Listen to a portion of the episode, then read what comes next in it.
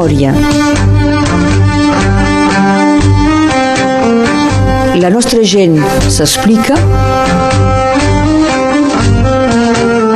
Berenguer Ballester. Soc al barri de Sant Galdric, entre el barri de Sant Galdric i les Coves de Perpinyà, per fer memòria amb una amiga. He de dir que cantem junts a la Coral Solstici de Perpinyà.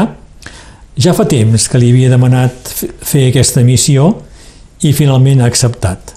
Manuela Parada, bon dia. Bon dia, I gràcies d'acollir-me a casa teua amb molt de gust. i d'haver acceptat parlar de la teua història, que de fet és una història similar a moltes altres històries de gent d'aquest país. És a dir, la retirada, les dificultats d'integració, l'esforç per sortir-se'n, el treball per dominar la llengua i, i tantes altres coses que aniran sortint. Sembla una casa molt bonica, Sí, coberta d'una vinya, vinya verge. vinya verge, és a dir, que no fa raïm. No, no, es diu vinya verge. Deu tenir un altre nom segurament, però no, ens han dit que era una vinya verge. Raïm no en té, no. Parlarem de la teva família. Tu ets eh, filla d'un gallec i d'una catalana. Ton pare va néixer a Galícia i als 25 anys se'n va a Barcelona en un moment en què ja ha començat la guerra entre els que defensen la república i els militars feixistes de Franco. El teu pare es va incorporar als guàrdies de Salt, Sí, que era un cos policial que va ser fidel a la república. I ta mare va néixer prop de la seu d'Urgell, era filla d'un carabiner aragonès destinat a la seu. sí. Doncs eh, tens dues famílies de militars o policies, no? Es pot dir? No, el meu pare... No crec que el meu pare tingués una vocació de, de militar, eh, va ser, perquè, perquè va ser així. Va, va sortir de Galícia a correcuita segurament. Sí. El meu pare era molt, molt aventurer, de sempre, i primer va anar al front, em penso que el van destinar al front d'Astúries, i d'Astúries aleshores va passar de l'altra banda. Ell vivia a Galícia, a la Corunya, I això era zona franquista? esclar, Sí. i primer va, estava... O sigui que ell, va, ell el van enviar al front d'Astúries i ell, ell va passar de l'altra banda. Ell va veure que això no anava sí. i se'n va anar cap a Va Catalunya. desertar de l'exèrcit franquista per anar al exèrcit republicà. Sí, i se'n va anar a Barcelona. No va desertar per anar a l'exèrcit, ell va, se'n va anar, se'n va anar perquè, perquè era així, no, no li convenia, era, era així, als 14 anys ja se n'havia anat de casa, havia agafat un barco per anar-se'n a Amèrica. I a Barcelona s'incorpora, doncs, als a guàrdies de encara Salt. sí, però, però això no, no sé com. Vull dir que Sí. no crec que fos per vocació primera, no?, De- d'anar... O potser sí, o no ho sé, no ho sabem, però ell esdevé guàrdia de. Salt. I, doncs, la família de la teva mare, la teva mare és filla de carabiner, que també va ser un cos... Eh, de fet, eh, guardaven les duanes, les fronteres. Sí, ells estaven a la carretera Eh? Sí. per, per vigilar la gent I que també va passava. ser un cos eh, fidel a la república. Sí, I després de la seu d'Urgell, el teu avi, amb la teva mare, el teu avi és destinat a, a Barcelona Mm. i aquí el pare i la mare es coneixen. sí, suposo que vivien a la mateixa quartell, o, Sí. suposo. Eh, Tot això, tot això ho suposo. Sí? perquè d'explicar-nos-ho no ens han explicat res, no gaire. Bé, el pare i la mare es casen al desembre del 38, és a dir, gairebé a la fi de la guerra. Sí, I el pare i l'avi, doncs, implicats, un als guàrdies de salt i l'altre al cos de carabiners, fan la retirada Sí. l'any 39 cap a França. Mm. Passen pels camps de concentració d'Argelers i el Barcarès. molts refugiats van anar a Argelès directe i després els van passar al Barcarès, quan el Barcarès va obrir més tard. El iaio se'n va anar cap a Barcelona. El iaio no, no podia estar fora de la família, estava, era molt desgraciat i va, se'n va anar. Els deixaven sortir del camp. Els que volien tornar cap a, cap a Espanya podien tornar cap a Espanya. I el teu avi no va tenir problemes quan va tornar a Barcelona? Sí, esclar, segur. Sí, sí, esclar, va passar segurament per, va passar per la presó, va passar, Sí. esclar, has de passar per la, pel purgatori abans Sí, de tornar. purgatori. Sí, sí, és clar que sí, pobret. Però ell, ell no podia estar fora de la família, Sí. va voler tornar amb la família. Però el meu pare no, el meu pare era, era molt aventurer i se Llavors, sortia sí. de tot. Sí. A l'estiu del 40, ton pare i ta mare es retroben a Andorra. sí, ho sé, ho sé perquè tinc una foto. Ah, sí, ja l'he vist, eh, la foto. No és que m'han explicat tampoc, però vaig trobar la foto i dic, mira, veus que bé, es van trobar a Andorra. Andorra. I després van a, a l'Arieja. Baixen per l'Hospitalet i baixen cap a l'Arieja. Alas, my love,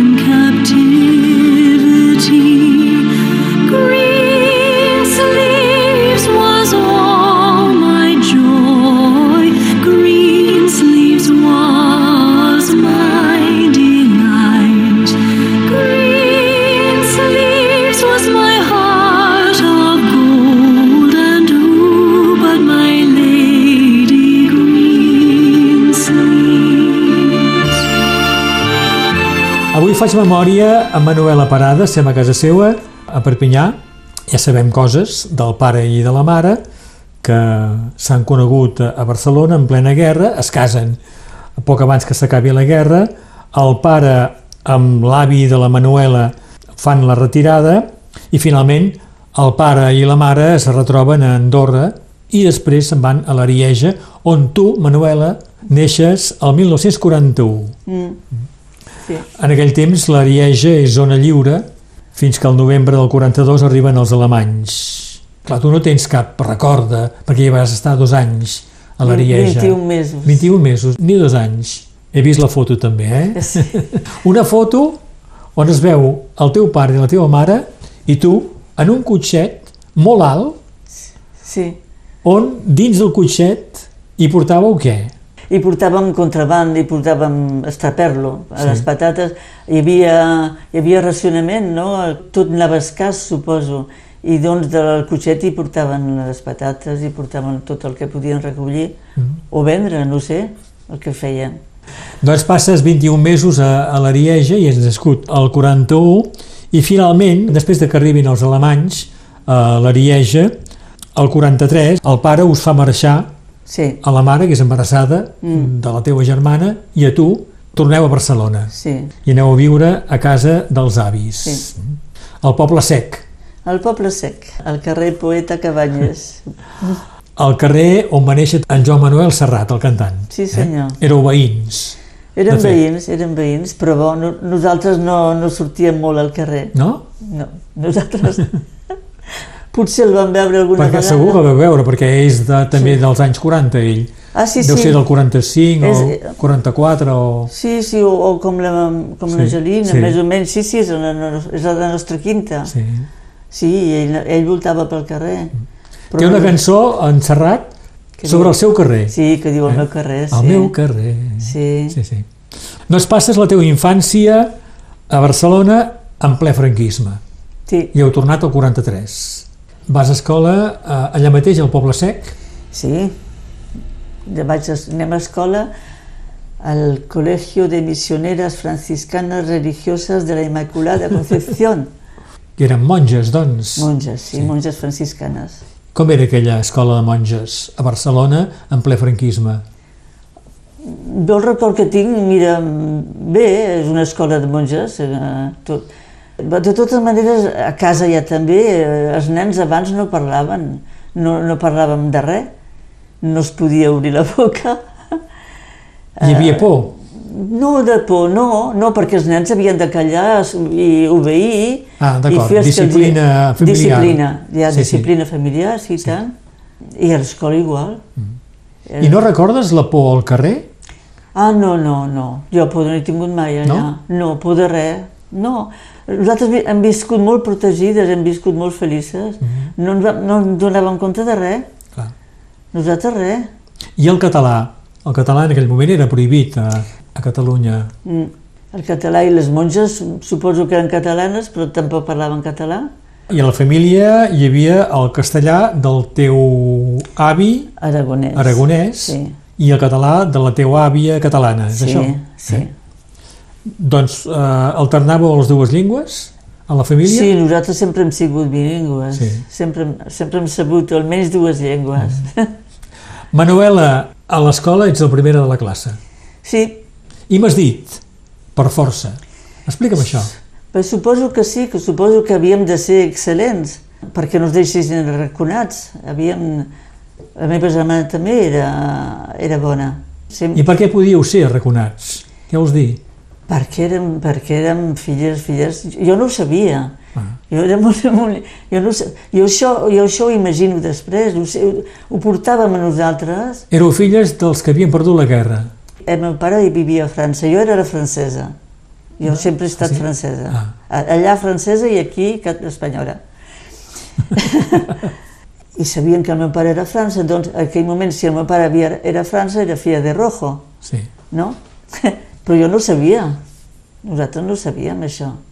I per superar aquesta situació calia ser bona a la classe a l'escola. Eh, A, ca- esclar, a casa, a casa era una disciplina i allà també havíem de- d'estudiar. Només fèiem això, estudiar sí. i a casa. I a casa, allà brodar també perquè, és clar, quan teníem un temps així lliure entre, entre els estudis de llibres, havíem de, de cosir, resar, brodar, sabem fer de tot, ganxet, mitja, tot ho sabíem fer, eh? perquè havíem de tenir una educació de, de senyorita de la falange. Sí. I de Perquè que- les, les nines eren educades en aquest sentit. Sí, Eh? sí, Per ser dones i mares de família. això mateix, i, i de la falange, Sí. i cara al sol, Cantàveu l'himne falangista. claro. Clar. I teníem el llibret de les senyorites perfectes i el, i el llibre de les senyorites Sí. per saber com, com, Com calia ser. com calia ser. Sobretot molt educades i no fer cap mica de soroll de res. Te- Tens record de fred, de fam? No, nosaltres mai, mai, mai. No, nosaltres no hem patit res, de, de res. Sí. La iaia s'aixecava al matí, se n'anava al mercat de Sant Antoni a buscar menjar i, i de, de no res en feia menjar. Una, la iaia era una dona de, de la terra, Sí. de d'Urgell, sí. de Noves de Segre, i que ella ho sabia fer tot, S'espavilava. molt. Molt.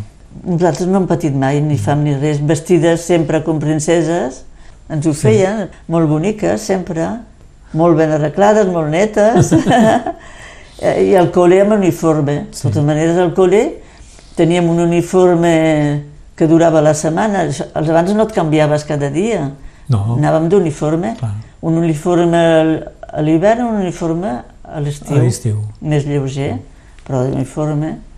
Escola, casa, però tens temps també d'aprendre a ballar sardanes. Ah, Prop de casa hi ha un lloc que ensenya a ballar sardanes. Sí, i m'hi apunten. M'apunten allà, això ho diu ma germana perquè jo no me'n recordo. jo em recordo que anàvem a ballar sardanes, però ella diu, esclar, és que ens van apuntar amb un foment, segurament. Sí. I després anàvem a ballar sardanes a la plaça Sant Jaume. On cada diumenge hi havia sardanes, Sí, tarda i vespre, i molta gent s'hi reunia cada diumenge a ballar sardanes. sí, però això també d'una manera molt innocent. Anàvem a ballar sardanes sense res més nosaltres, perquè, perquè, perquè era la nostra identitat, era normal, vull dir, no, Sí. hi, no hi anàvem per fer folklore o per fer per fer resistència o per fer catalana, resist- tampoc. No, tampoc, No, no, no. I anàvem perquè era la nostra Sí. manera de ser, Sí, sí. la nostra cultura. Caminito que el tiempo ha borrado, que juntos un día nos viste pasar. He venido por última vez, he venido a contarte mi mal. Caminito que entonces estabas bordeado de trébol y juncos en flor. Una sombra ya pronto será, una sombra lo mismo que el.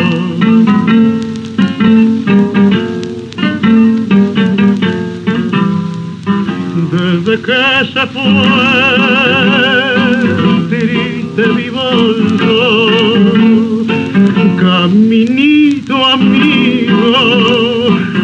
yo también me. Desde que se fue, nunca más volvió. Seguiré sus pasos, caminito adiós, caminito que todas las tardes feliz recorría cantando mi amor. No le digas si vuelve a pasar que mi llanto tu suelo regó. Caminito cubierto de cargo, la mano del tiempo tu huella borró. Yo a tu lado quisiera caer y que el tiempo nos mate a los dos.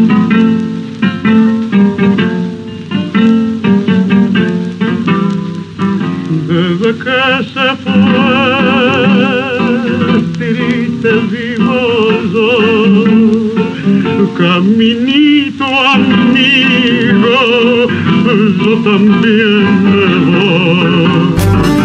Memòria a Ràdio Arrels, amb Berenguer Ballester. Avui faig memòria amb Manuela Parada, som a casa seva a Perpinyà. Ja sabem que tu, la mare i després també la teva germana heu viscut a, a Barcelona en ple franquisme, a casa dels avis. Mentrestant, el pare s'ha quedat a, a França, ha fet la retirada, ha passat pels camps de concentració i s'ha instal·lat, eh, després de la guerra, a Normandia, on fa de paleta Mm.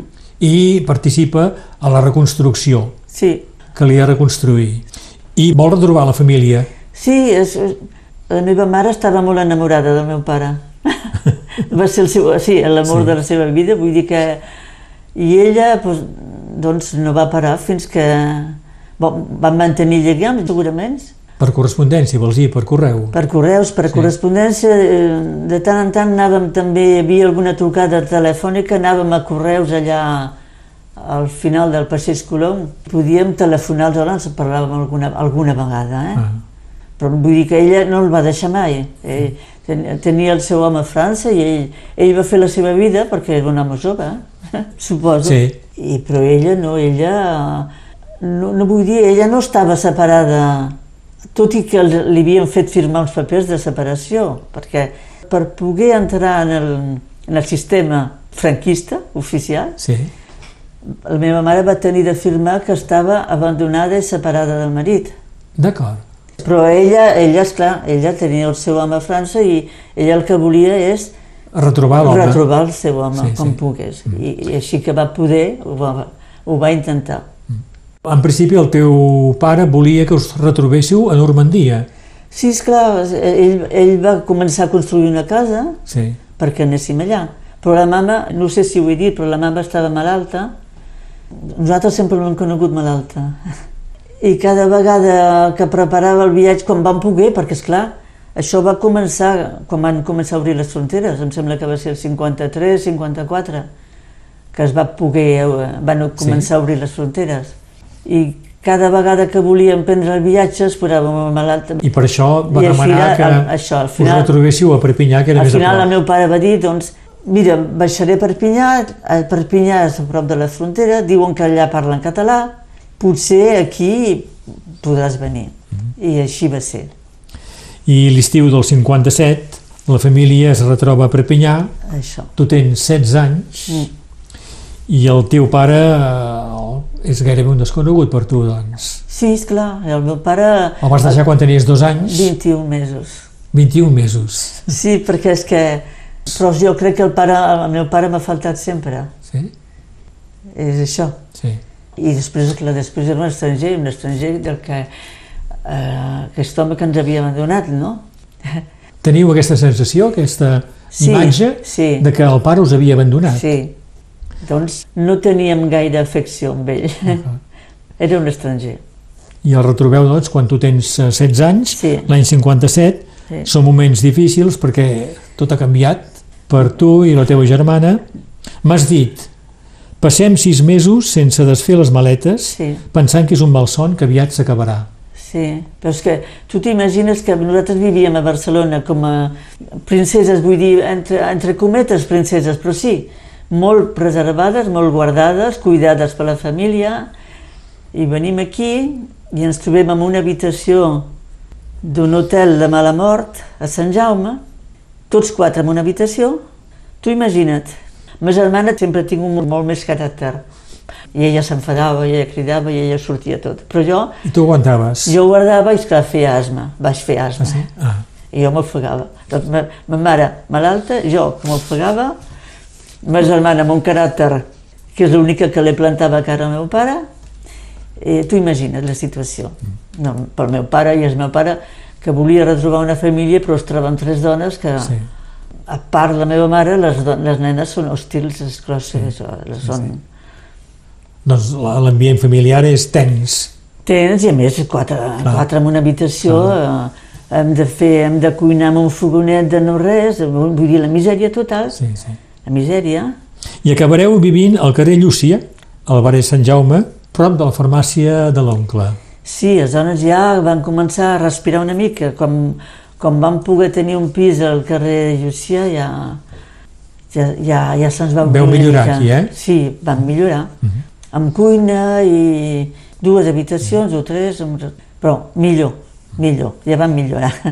I en Josep de l'oncle, doncs de la farmàcia de l'oncle, Mm. com que parles català, en demana de participar a un enregistrament per la processó de la sang.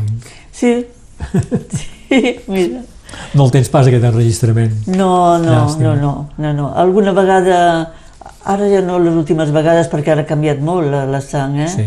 Ara, ara ja no té res a veure amb, amb allò del començament, eh? Eh, M'havia sentit, algunes vegades m'havia escoltat per la, quan feien la processó. Perquè se sentia pels carrers. Se sentia pels carrers, sí. I a més vivíem al, al carrer Llucià i passava allà davant. I què deies tu en aquest enregistrament? Oh, quan canta el gall a la matinada, una cosa així, no? No sé, no me'n recordo la frase, una cosa, una, una frase que m'havien preparat. El vas conèixer bé, doncs, el de l'oncle, el Josep de Sí, l'oncle. perquè es- vivíem a la vora i, Sí. i, i, i la mare malalta, jo també. Clar, a la farmàcia A la cada farmàcia dia. anava, i és un home molt bon home, Sí, que, que va ajudar molta gent, els gitanos els ajudava molt. sí. Els gitanos hi anaven amb una recepta i els hi donava sabó i coses per viure. Ja no és més la farmàcia. No, un dia van passar i ens havien tirat la casa. Sí, totalment, eh? Enderrocant, de l'oncle ens han enderrocat la nostra, També?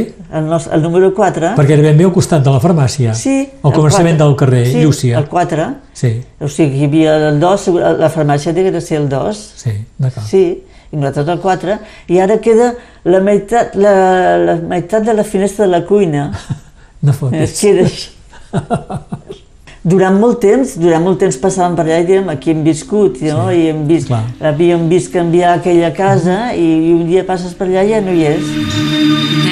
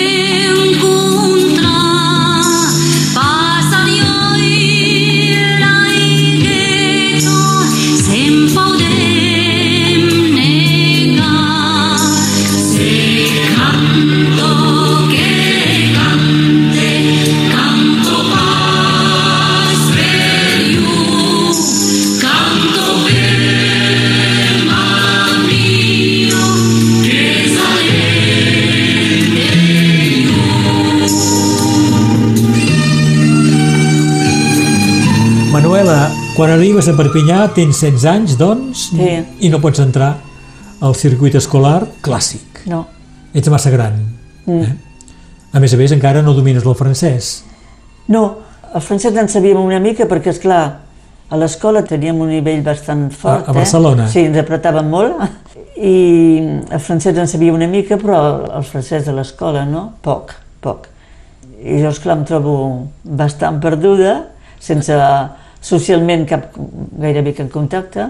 La meva vida era això, hem de tornar cap a casa, Bon, suposo que el català era present al carrer Llúcia, a Sant Eh, Jaume. Sí, però era un català també diferent del nostre. Clar.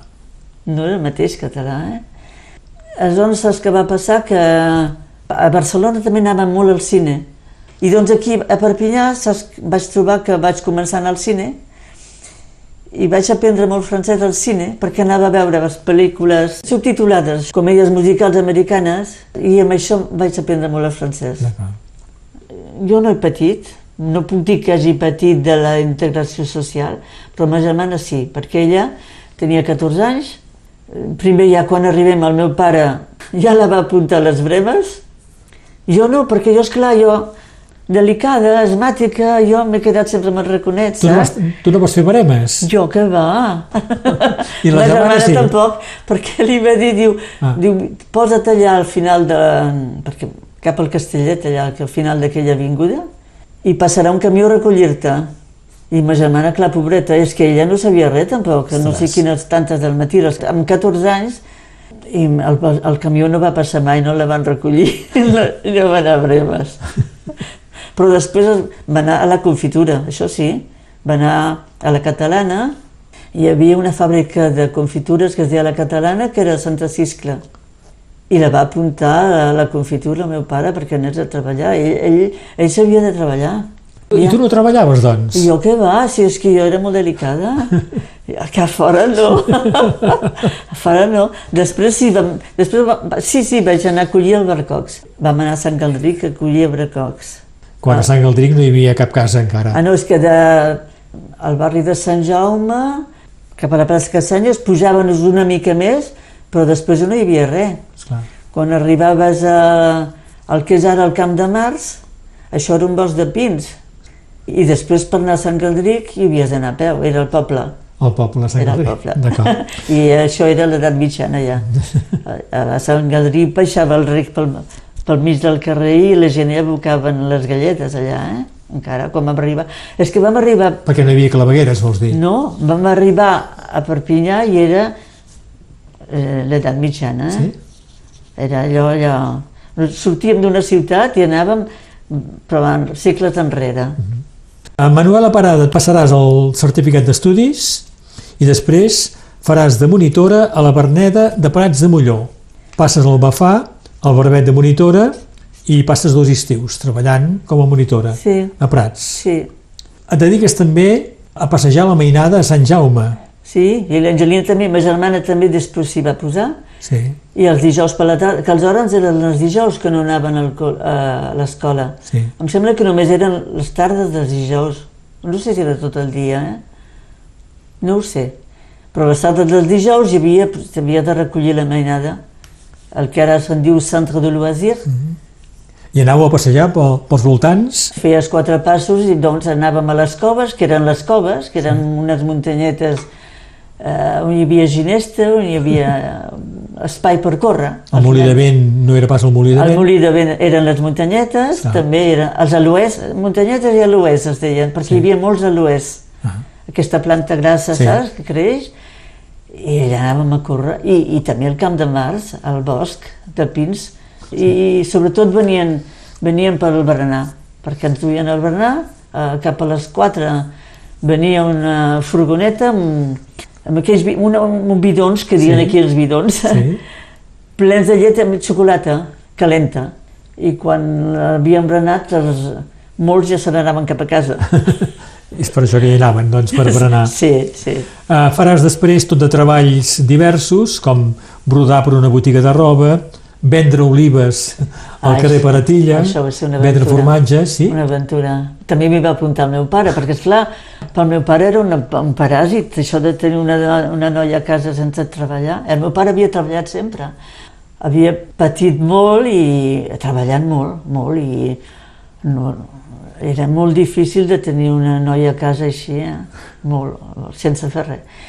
I un dia em va apuntar les olives, i tu ima- imagina't jo, que no parlava, que vull dir que era, que era molt tímida, molt tímida, i vaig, eh, vaig, vaig haver d'anar, això sí que me'n recordo molt perquè mira, hi havia, hi havia la botiga al carrer Paratilla, aquella gent es diuen Cuixac, això me'n recordo, que també eren catalans però que no en van parlar mai català, eh? perquè eren, hi ha gent que ja, ja s'havien instal·lat i que, i que, bon, que per nosaltres ja érem d'una categoria, categoria inferior. I jo era, hi havia al davant, amb la, ara- igual que ara, amb les, amb les olives que s'havien de vendre, i a darrere teníem les bosses de paper, i jo havia d'agafar una bossa de paper i sortir a dir al client a veure què volia.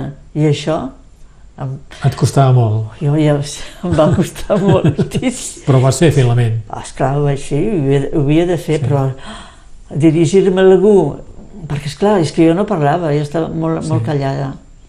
Allà vaig començar a entrar a la vida, amb les olives. I a la tarda vas a l'escola d'Esteno Dactilo. Això després, perquè Després. primer les olives era el dissabte, el diumenge.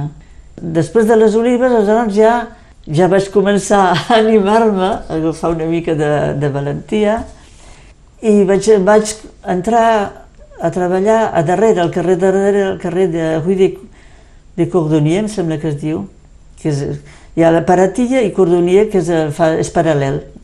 I hi havia una, una botiga de venda de formatges, que es diu la venda directa. Encara hi és, la botiga de, de Encara formatge? hi és ara. Sí. Encara hi és Encara amb hi la és? filla, Sí, amb sí. la filla de Reinald. I vas treballar aquí, doncs? Vaig treballar aquí, Ah. sí, sí, sí. I aleshores allà ja, ja vaig entrar de, a treballar 8 hores. Sí, que doncs t'hi coneixes aquí. amb formatge i amb olives. Ah, sí, amb formatges molt, molt, Sí. molt. Molt perquè em va agradar perquè em van posar m'havien contactat per anar a treballar amb el fill de la casa, la família es deia Reinal, i el fill tenia un camió que anava pels pobles, o sigui, cada dia un poble, i aleshores anàvem amb formatge a l'engròs, amb, amb aquells formatges tan grossos de Gruyère, Sí. de Cantal, de... sortíem a les sis i mitja, m'aixecava a les sis, eh, me n'anava a peu allà al carrer per el camió, allà al, al final del Bernet, i, i marxàvem a un poble diferent cada dia, i això m'agradava molt. Doncs coneixes el país, Conèixer el país Per la i venda de conèixer formatge. i vendre el formatge que, que ja el veníem, la gent comprava el formatge per la setmana i veníem, doncs veníem un, ja veníem un quart o ja veníem mig formatge del vermell que es deia Edam, Sí. sí. ja els venia, es venia Gruyère, Cantal, Edam i la tomba de Savoie. Això és gairebé les coses que es venien més. Acabava a la una, a la una, una i mitja, i em deixava la tarda lliure. I esclar, la tarda lliure la vaig aprofitar per anar a estudiar. i vas aquí a l'escola d'Esteno Dactilo. Sí, perquè esclar, jo sabia estenodactilo, però en espanyol. I el teclat espanyol és diferent del teclat francès. I em vaig apuntar a l'escola estenodactilo. Quan vaig tenir allò del el diploma d'estenodactilo vaig deixar formatges. Es van quedar molt parats perquè ells, es- esclar, ells no ho sabien. ells es pensaven que ja, m- ja m'havien... Que t'hi quedaries, clar. Que m'hi quedaria, ja m'havien deixat en aquell moment, ja m'havien deixat també la, la gerència d'un magatzem, perquè van obrir un magatzem a la plaça Fontena Nova, allà on han, on han fet ara la universitat, Sí? allà hi havia un magatzem, i era a vora de casa meva. Doncs allà primer hi vaig entrar, i érem dues, era una, hi havia un responsable i jo de dependenta, i després aquella se'n va anar i me'n van deixar a mi de responsable del magatzem. Però jo el formatge, jo no, no era la meva vocació de vendre formatge tota la meva vida. Eh? I a més, és que sentia, feia olor de formatge tot el dia. Bon, doncs jo no, jo, jo volia seguir, sortir-me d'això, no? I és per això que, que, que vas a l'escola Esther que vaig a l'escola i quan vaig, quan vaig tenir el certificat, el diploma de, de l'escola estenodactilo, vaig buscar feina de, ja de secretariat, de sortir-me, fer-me feina de despatx. I vaig estar al formatge. Després van passar anys. Te'n vas a París. Sí, també vaig treballar a Citroën tres anys i també un dia me'n vaig cansar i me'n vaig a París. un appunto la scuola da segretaria medicale in ambasciatrice.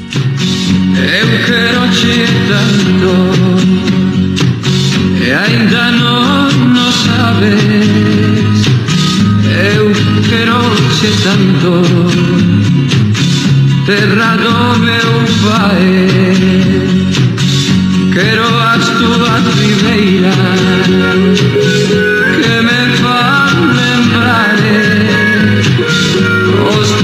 Ollos tristes. Déjame llorar. Un canto a Galicia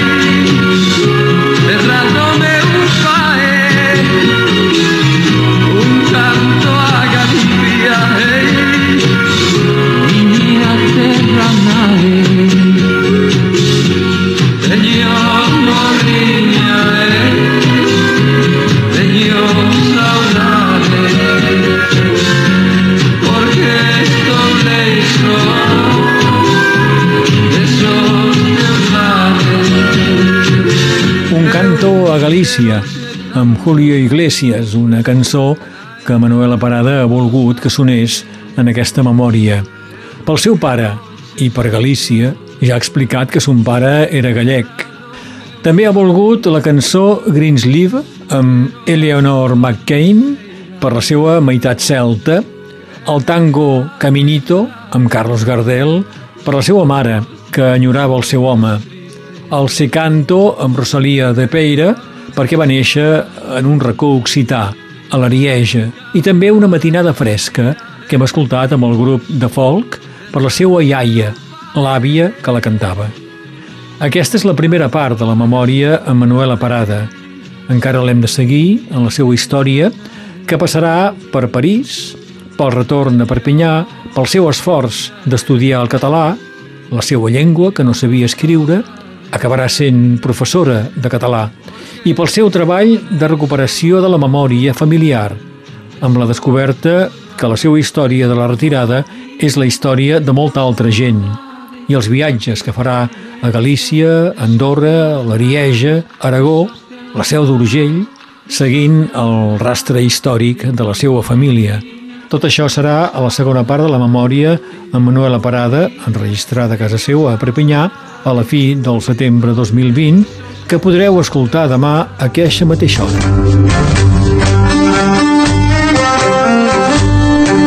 Memòria.